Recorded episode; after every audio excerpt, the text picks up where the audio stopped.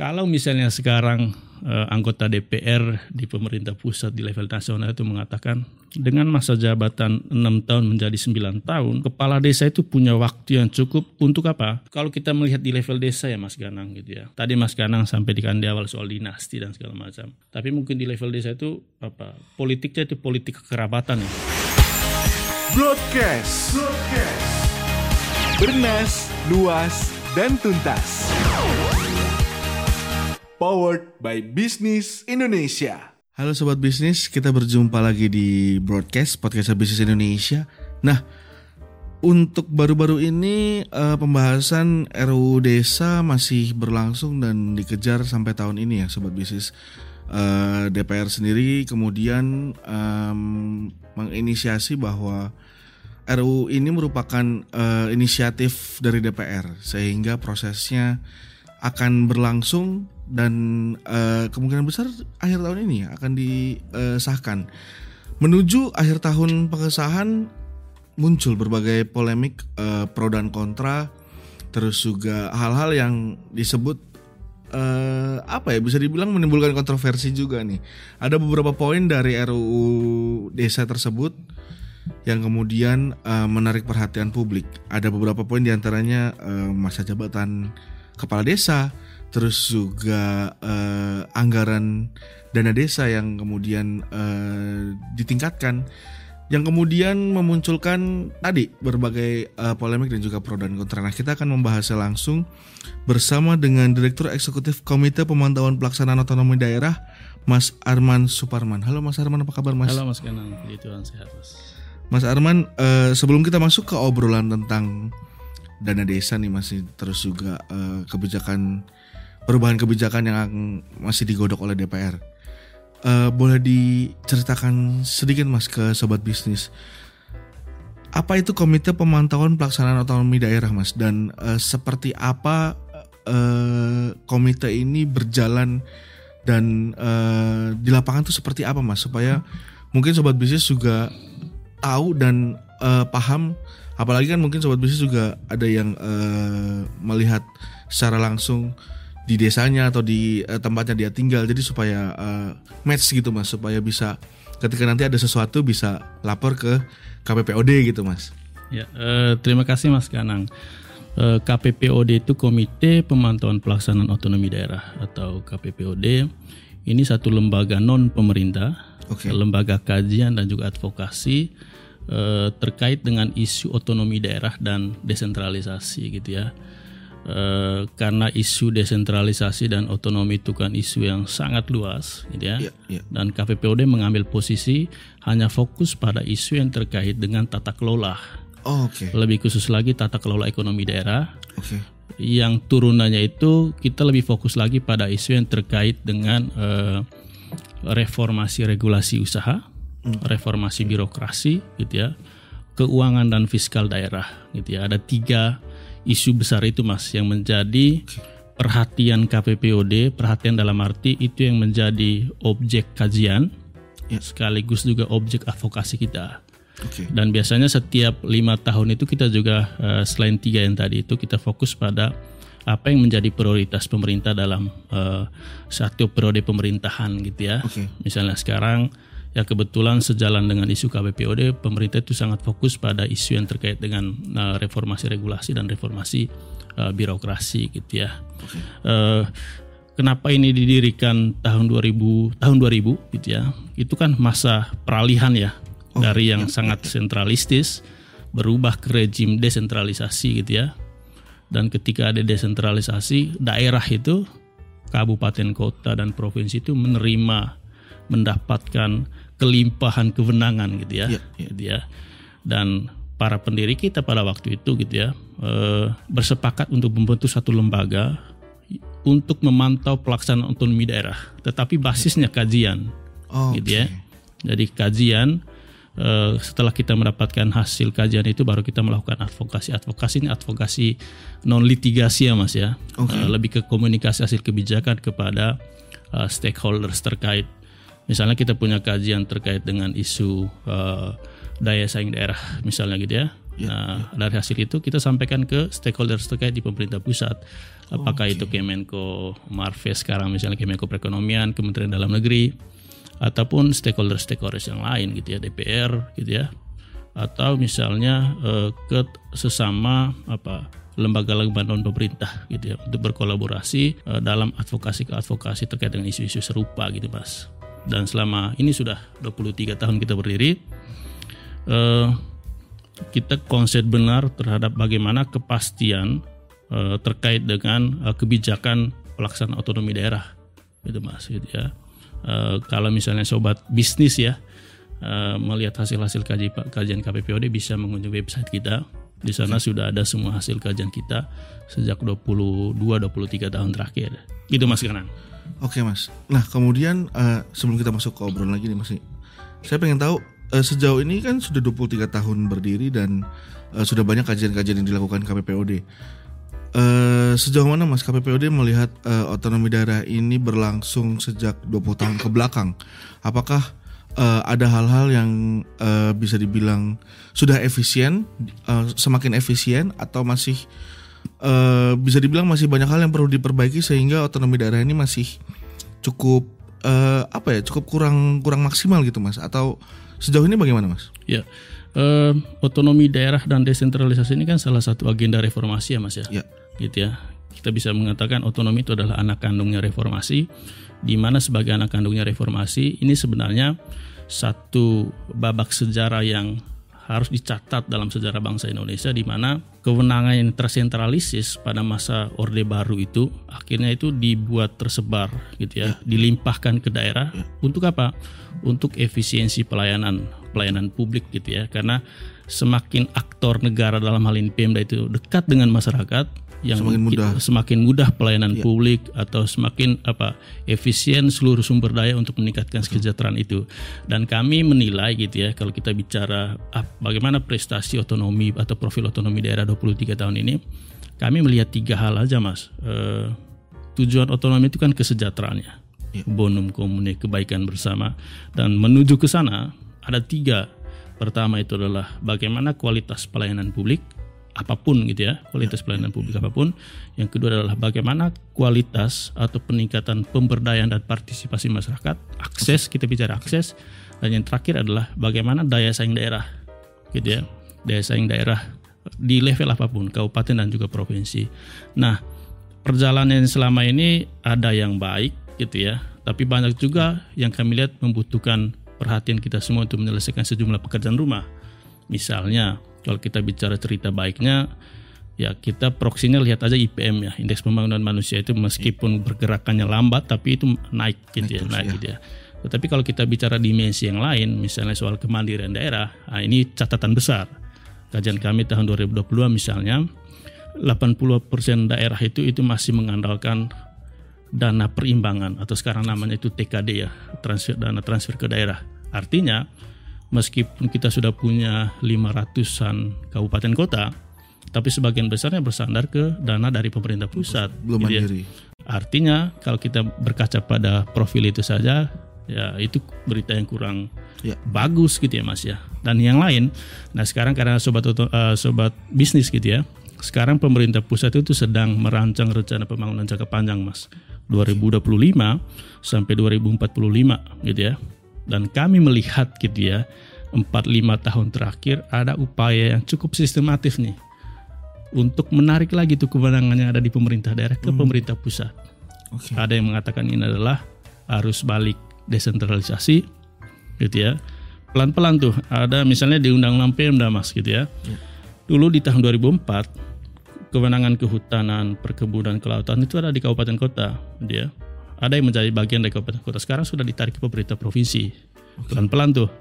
Bahkan di sektor minerba, mineral batu bara itu itu dari tarik ke sampai ke pemerintah pusat gitu ya. Dan menurut kami dari kacamata KPPOD ini ancaman nih untuk otonomi daerah. Apakah kita bisa membayangkan 2045 yang katanya adalah Indonesia Indonesia emas. 2045 apakah otonomi daerah masih ada gitu ya. Karena itu kami selalu menyuarakan terutama ke polisi maker di pemerintah pusat untuk coba tetap memberi ruang atau memperkuat fondasi otonomi itu gitu mas Kita langsung masuk ke eh, obrolan utama kita nih Mas ya, tentang Oke. eh, yang lagi hot ya yang lagi cukup panas dibicarakan tentang RUU Desa yang ada beberapa eh, pasal kontroversial yang eh, bisa dibilang menuai pro kontra publik. Kita mulai dari salah satunya dalam masa jabatan Mas, ya 9 tahun.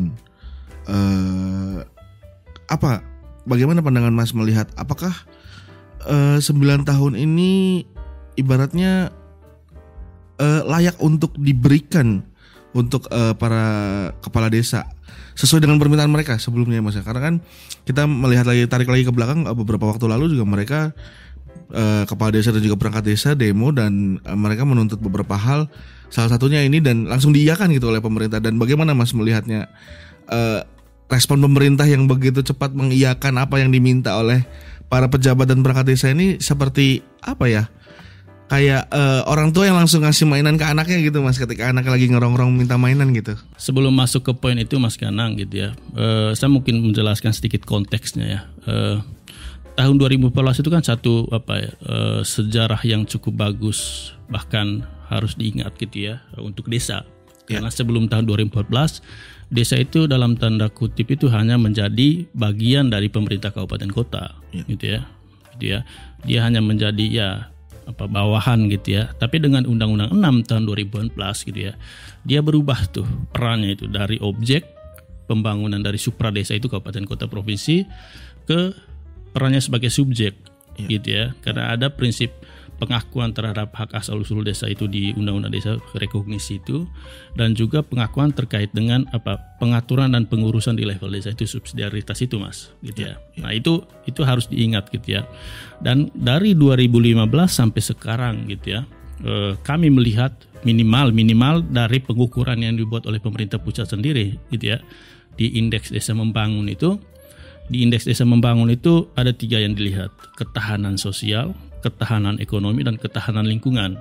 Oke. dan pergerakannya gitu ya eh, itu bergerak positif. Dalam arti gini di indeks desa membangun itu ada kategori desa mas. Dari sangat tertinggal tertinggal berkembang maju dan mandiri. Terakhir itu mandiri gitu ya. Dan kalau kita bandingkan tahun 2015 dengan 2022 dulu tahun 2015 tuh yang mandiri itu nggak sampai 200 desa sekarang sudah 6 ribuan sekian saya kurang tahu angka persisnya tapi itu kan eh, pergerakan yang cukup cukup pesat ya pesat gitu ya.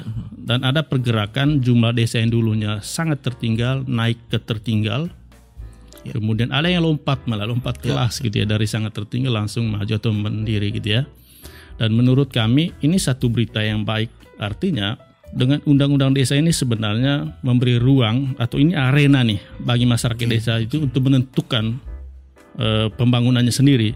oke Dan yang menentukan itu adalah eh, seluruh unsur tata kelola di dalamnya. Unsur tata kelola di sini dari kacamata kami di KPPOD ada empat misalnya. Pertama itu mulai dari perencanaan, ya perencanaan pembangunan desa, kemudian penganggarannya, kemudian penyusunan kebijakan, dan juga struktur kelembagaannya, dan yang terakhir itu pelayanan publik.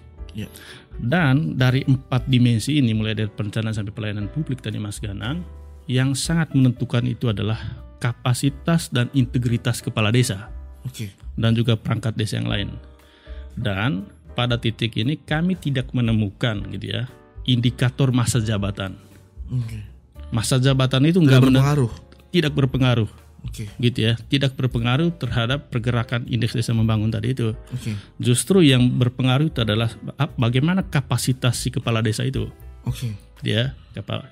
Nah, kalau misalnya sekarang eh, anggota DPR di pemerintah pusat di level nasional itu mengatakan dengan masa jabatan 6 tahun menjadi 9 tahun, kepala desa itu punya waktu yang cukup untuk apa? Untuk rekonsiliasi konflik pasca pemilihan, Mas. ya Karena menurut mereka masa jabatan 6 tahun itu tidak cukup untuk mengatasi persoalan konflik tadi itu di desa gitu ya. Pertanyaannya adalah konflik ini kan tidak hanya di level desa, di Bahkan- level kabupaten, Iya. kota, level provinsi. DKI Jakarta jadi saksi loh ini. betul Pilkada ta- eh, lima tahun lalu sampai sekarang, apakah dengan dengan terpecahnya masyarakat gitu ya, itu dengan sendirinya kita harus mengatakan bahwa nanti jabatannya ditambah nih. kan enggak gitu ya. Bukan jabatan ditambah yang jadi solusi berarti Bukan ya, jabatan ditambah, tapi bagaimana kita menciptakan satu sistem yang menghasilkan satu kepala desa yang bisa mengatasi konflik itu. Ya, Jadi yang direvisi sebenarnya adalah bagaimana sistem kita melahirkan si kepala desa ini, ya, bukan masa jabatannya, gitu ya. Dan yang kedua yang paling penting sebenarnya adalah eh, sebenarnya dengan undang-undang desa itu, itu kita memberikan satu fondasi yang cukup kuat gitu mas, soal demokratisasi di level desa, Iya. gitu ya. Kenapa? Karena dengan masa jabatan enam tahun, ini sebenarnya satu masa di mana warga warga desa itu punya ruang untuk menilai seperti apa kinerja si kepala desa Ya. gitu ya. Kalau nanti misalnya ada selama enam tahun itu dia punya kinerja yang sangat bagus gitu ya, dia berhasil membangun desa, masih ada enam tahun berikutnya, 12 tahun loh itu kalau dia dipercaya. Ya, ya. Bahkan kalau dia di menunjukkan kinerja yang sangat bagus lagi di 12 tahun itu, diberi kesempatan sampai 18 tahun dia. Oke. Jadi ada tiga periode. Nah sekarang DPR selalu mengatakan sama aja 18 tahun dengan periode yang ber- eh, berbeda gitu 9 tahun ditambah 9 tahun, tahun, dan- enggak itu beda. Itu sangat berpengaruh terhadap apa? Eh, terhadap proses demokratisasi dan kaderisasi di level desa. Kemudian yang kedua kalau kita melihat di level desa ya Mas Ganang gitu ya. Eh, tadi Mas Ganang sampai di di awal soal dinasti dan segala macam. Tapi mungkin di level desa itu apa? Politiknya itu politik kekerabatan ya. Ya, gitu ya. Bayangkan kalau kita sudah terpecah gitu ya eh, par- pada saat proses pemilihan dan kekerabatan di desa itu kan bondingnya sangat Ya, kuat gitu ya. Pasti 9 tahun itu akan tetap bermusuhan gitu ya. Jadi masa jabatan itu bukan apa bukan bukan satu jaminan yang pasti bahwa nanti akan diselesaikan gitu ya. Kalau kekerabatannya kuat dan apa namanya eh, balas dendam atau apa kebencian di antara dua kubu itu pasti pasti terpupuk gitu ya karena mereka itu terikat dalam satu kekerabatan gitu ya Eh, itu yang sebenarnya eh, kita sesali ya dengan proses sekarang di mana DPR itu bukan terkesan buru-buru ya buru-buru gitu ya. Gitu ya prosesnya gitu ya. Ya, ya. eh, terkait dengan revisi undang-undang desa dengan beberapa poin itu mas gitu ya. Ya, artinya eh, kembali lagi ya masa jabatan tidak menjamin dan bukan berarti kemudian akan mengubah eh, apa yang terjadi di desa selama ini seperti konflik eh, rekonsiliasi masalah eh, pemilihan kepala desa di awal terus juga eh, soal apa tuh namanya kinerja kinerja ya. kepala desa juga. Bukan berarti eh, masa jabatan bisa menjawab ya mas ya berarti? Ya. ya. Malah malah kalau mau kita bicara dalam konteks ini direvisi ya yang mesti diperhatikan tadi adalah pertama soal tadi itu mas soal sistem bagaimana kita menghasilkan Ya, kepala desa itu. kedua adalah sistem pemilihannya sistem Mas? pemilihan ya kemudian yang kedua adalah bagaimana menghasilkan satu sistem penyeimbang atau pengawas terhadap kinerja kepala desa? Yang selama ini itu kan sebenarnya ada di BPD Badan Pemusyawaratan Desa itu. Tapi praktiknya BPD itu di lapangan ya seperti anak buahnya kepala desa juga. Di bawah kepala di desa? kepala desa. Padahal fungsinya itu fungsi pengawasan Fungsi fungsi, pengawas, ya. kontrol gitu mas. Nah Berarti memang harusnya seharusnya memaksimalkan fungsi kontrol itu seharusnya itu yang yang menjadi ya? pusat perhatian DPR gitu ya bukan masa jabatan gitu Kemudian eh, yang kedua yang jadi kontroversi adalah mengenai kenaikan gaji kepala desa nih Mas. Hmm. Di tengah eh, mungkin tadi yang Mas sampaikan di awal tentang perkembangan eh, desa ya dari eh, sekian tahun dari sekian ratus desa yang kemudian punya lompatan-lompatan yang cukup signifikan. Mungkin pemerintah melihat bahwa eh, kinerja kepala desa ini bisa dibilang lumayan eh, mengubah mengubah image desa itu sendiri ya, mengubah beberapa desa yang kemudian akhirnya mereka bisa punya prestasi, punya lompatan-lompatan yang cemerlang dan akhirnya pemerintah eh, kepikiran untuk menaikkan gaji kepala desa. Nah, kalau Mas sendiri melihatnya urgensinya seperti apa Mas untuk kenaikan gaji kepala desa ini, Mas? Iya, eh, sebenarnya kalau kita lihat yang existing sekarang ya Mas Ganang, eh, gaji kepala desa itu kan 2 juta sekian ya, saya lupa angka persisnya. Eh, dia seting apa selevel dengan PNS golongan 2 2D atau 2B ya saya lupa. Gitu ya. Ya. Nah, itu gaji pokok ya, belum tunjangan kinerja dan segala macam gitu ya. Eh, kami melihat begini, pendekatan dengan menaikkan honor atau gaji itu kurang efektif gitu mas ya. Gitu ya. Kenapa, Mas? Kurang efektif itu kenapa? Misalnya dari kajian eh, apa namanya kajian KPPOD yang lain gitu ya, eh, misalnya soal menambahkan eh, alokasi infra, dana infrastruktur mas. Oke. Eh, dengan harapan infrastrukturnya itu bisa meningkat kualitasnya dan menutup ruang-ruang korupsi. Ternyata enggak gitu ya. Semakin tinggi semakin tinggi apa namanya itu anggaran infrastruktur semakin tinggi juga ininya eh, peluang eh, korupsinya gitu ya. Atau kalau misalnya kita melihat data-data yang lain eh, dana desa itu kan dikucur dari 2015 ya dengan eh, 20-an triliun dan sekarang sudah eh, hampir 70 triliun gitu ya. Dan data dari teman-teman CW menunjukkan semakin besar alokasi dana desanya itu, gitu ya, semakin besar kasus korupsinya. Gitu ya. Sekarang sudah 500-an sekian kasus korupsi di level desa dengan kerugian 700-an sekian miliar gitu ya. Sehingga kami melihat juga kembali ke soal gaji kepala desa tadi, itu juga tidak menjamin. Malah kalau kita ingin mendorong dari pendekatan insentif atau disinsentif itu adalah untuk kepala-kepala desa yang menunjukkan kinerja yang bagus gitu ya. Kinerja dalam hal kinerja output, activity-nya jalan, visi misinya itu terimplementasikan. Itu diberi misalnya eh, tunjangan atau apa namanya eh, tambahan tunjangan gitu ya. Oke. Justru itu yang mendorong para kepala desa untuk giat eh, meningkatkan kualitas tata kelola di pemerintah desa, bukan di gajinya Bukan di gaji utamanya. bukan di gaji utamanya gitu ya. Itu kan sebenarnya praktik yang sama dibuat di di level kabupaten kota dan provinsi mas, Iya, gitu ya. Gaji pokoknya sama aja itu iya, iya. dari Sabang sampai Merauke gitu ya. Tetapi yang perlu diperhatikan adalah tunjangannya itu. Dari pendekatannya itu disinsentif dan disinsentif. Disinsentif dalam arti kalau dia tidak berhasil menunjukkan kinerja yang bagus gitu ya, hak-hak keuangannya bisa ditunda atau dipotong atau dia tidak mendapatkan tunjangan gitu mas. Betul. Berarti uh, artinya sejauh ini urgensinya masih uh, belum ke arah sana ya Mas ya. Ya, karena uh, nggak ada apa ya, tidak ada uh, hal yang membuat gaji dari kepala desa ini harus dinaikkan gitu Mas. Ya, eh, gini, apa namanya? Kenapa semua hal yang tadi kontroversi itu kami tidak menunjukkan unsur kemendesakan untuk direvisi adalah karena apa? Karena ini adalah momen tahun politik, mas. Ya. Gitu ya. Eh, ya, saya pernah berdialog dengan Pak Baidowi ya. eh, Pak eh, DPR itu dia mengatakan ya boleh saja sebagai perspektif yang lain. Ya boleh saja tapi memang kenyataan kan kita melihat seperti itu gitu ya. Ya. tuntutan dari stakeholders desa terutama kepala desa dan para perangkat desa itu kan sudah berapa kali itu mereka memobilisasi masa ke Jakarta kan untuk menuntut penambahan masa jabatan dana desa dan segala macam. Dan 74 ribuan sekian desa itu adalah satu modal politik yang sangat besar yang bisa dikapitalisasi untuk kepentingan kontestasi tahun depan. Betul. gitu ya itu dari dari unsur si politisi di level nasional. Sementara di level desa ketika mereka punya kekuatan yang begitu besar ini peluang untuk mereka eh, menuntut desakan-desakan tadi itu mas. Sehingga tampaknya ini sangat transaksional gitu ya. Ya, ya. atau simbiosis mutualisme gitulah ya. Dan memanfaatkan momentum itu gitu ya. Eh, sehingga seluruh unsur-unsur yang direvisi itu juga kehilangan eh, kehilangan urgensinya. Ya. gitu. Lantas kalau misalkan Mas melihat sendiri eh, apa yang yang bisa dilakukan oleh publik ini Mas ketika eh, melihat hal-hal tersebut ke- kelihatan sekali eh, kepentingan politiknya kuat gitu Mas. Ya, eh, memang sekarang orang mengatakan apa ya, the power of netizen ya mas ya, Ya, ya. Eh, no viral no justice kan ya.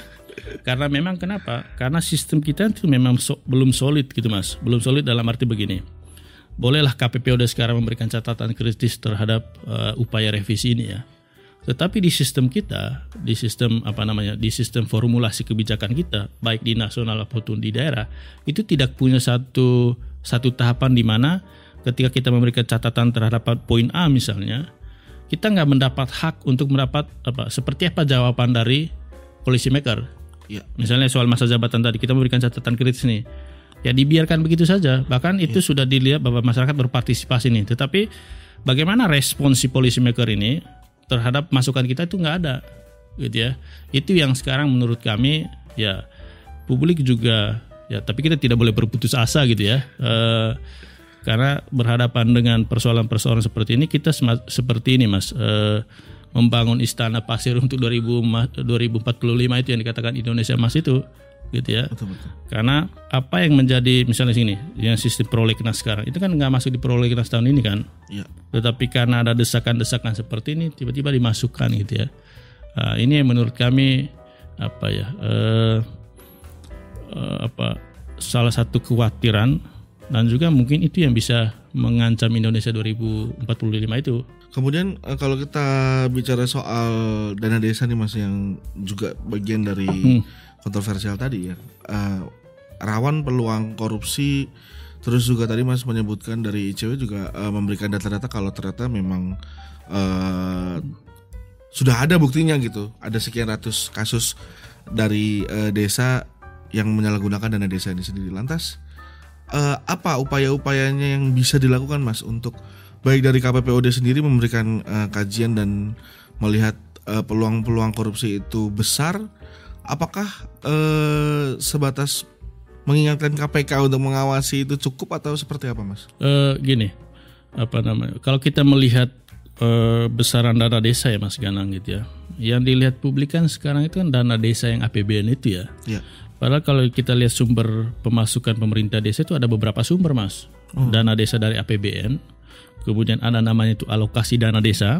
oke, Alokasi dana desa itu adalah dana desa yang diambil dari dana perimbangan yang diterima oleh kabupaten kota. oke, Eh, Kemudian ada pendapatan asli desa, belum lagi bantuan keuangan dari pemerintah provinsi dan juga pemerintah eh, kabupaten kota, Eh, belum lagi hibah yang lain segala macam gitu ya.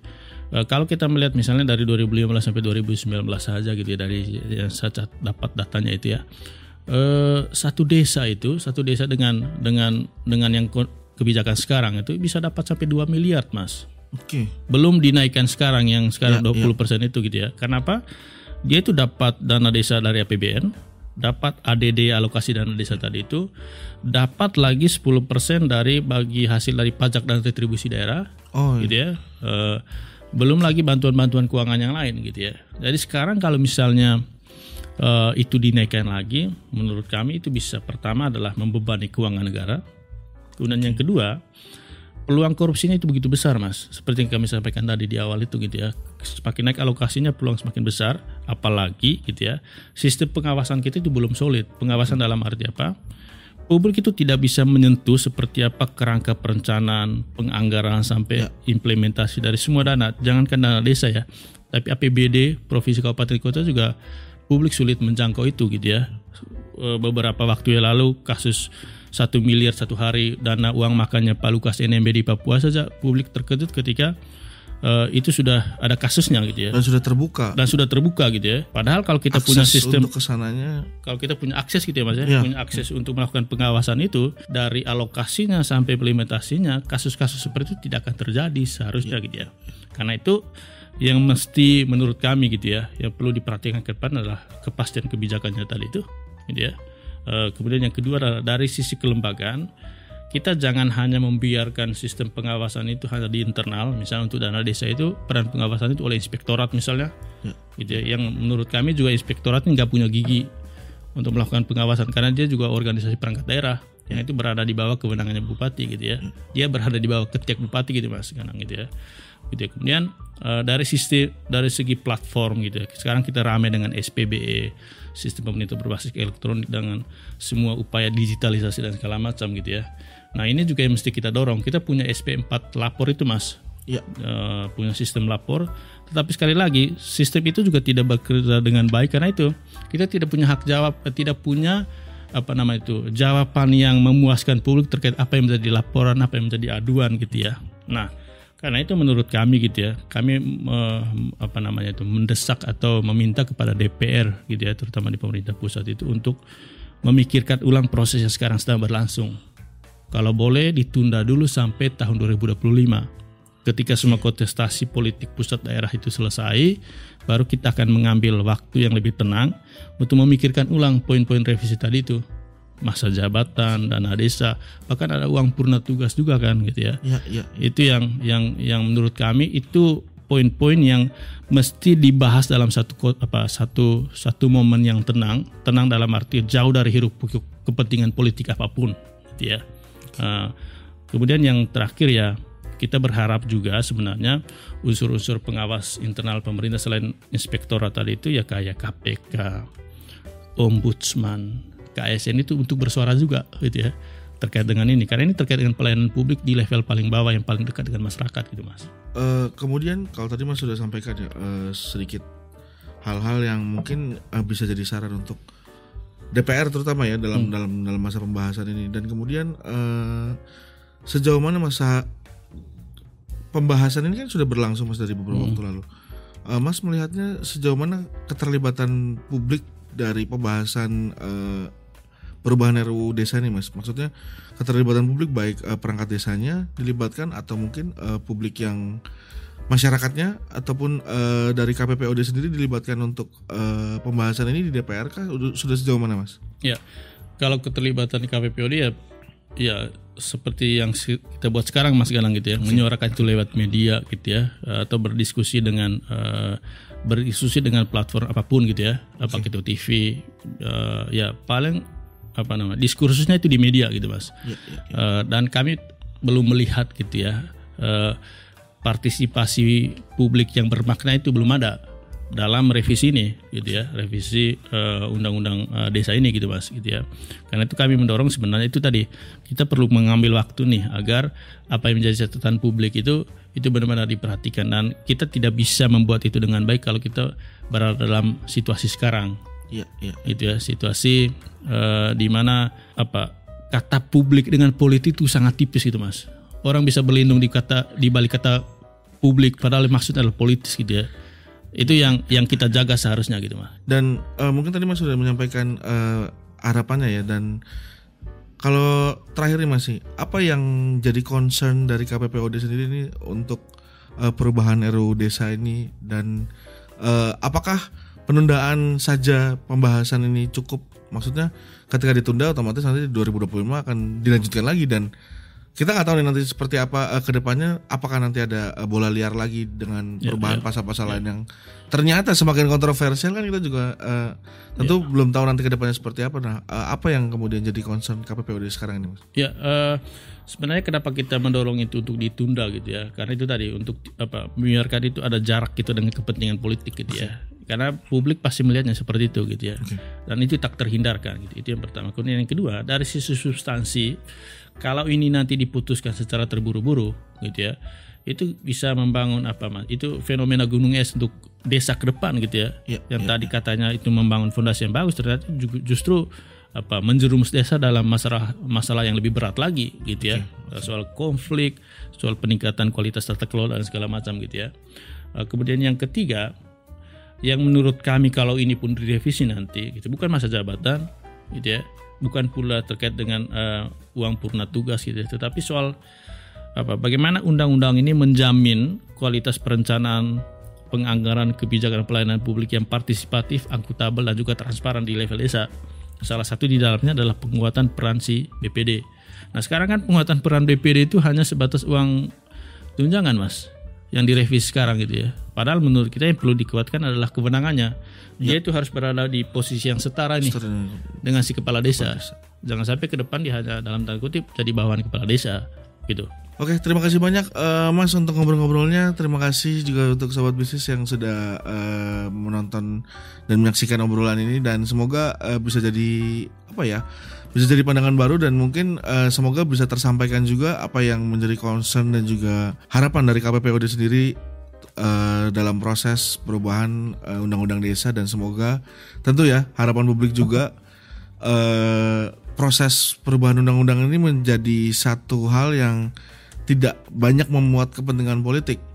Dan juga terutama eh, bisa meng- apa ya bisa merangkum dan bisa menyelesaikan permasalahan-permasalahan terus juga bisa jadi solutif bisa jadi eh, jalan keluar gitu ya. Ju- justru jangan sampai perubahan malah jadi eh, membuat jalan baru yang bikin muter-muter dan bikin terjebak sendiri gitu ya. Jangan sampai menjadi fenomena gunung es juga yang tadi seperti eh, Mas Arman sampaikan. Terima kasih sekali lagi Mas untuk ngobrol-ngobrolnya dan semoga eh, sobat bisnis bisa mendapatkan banyak inf- insight dan juga informasi dari obrolan kita di episode ini. Sampai jumpa di episode berikutnya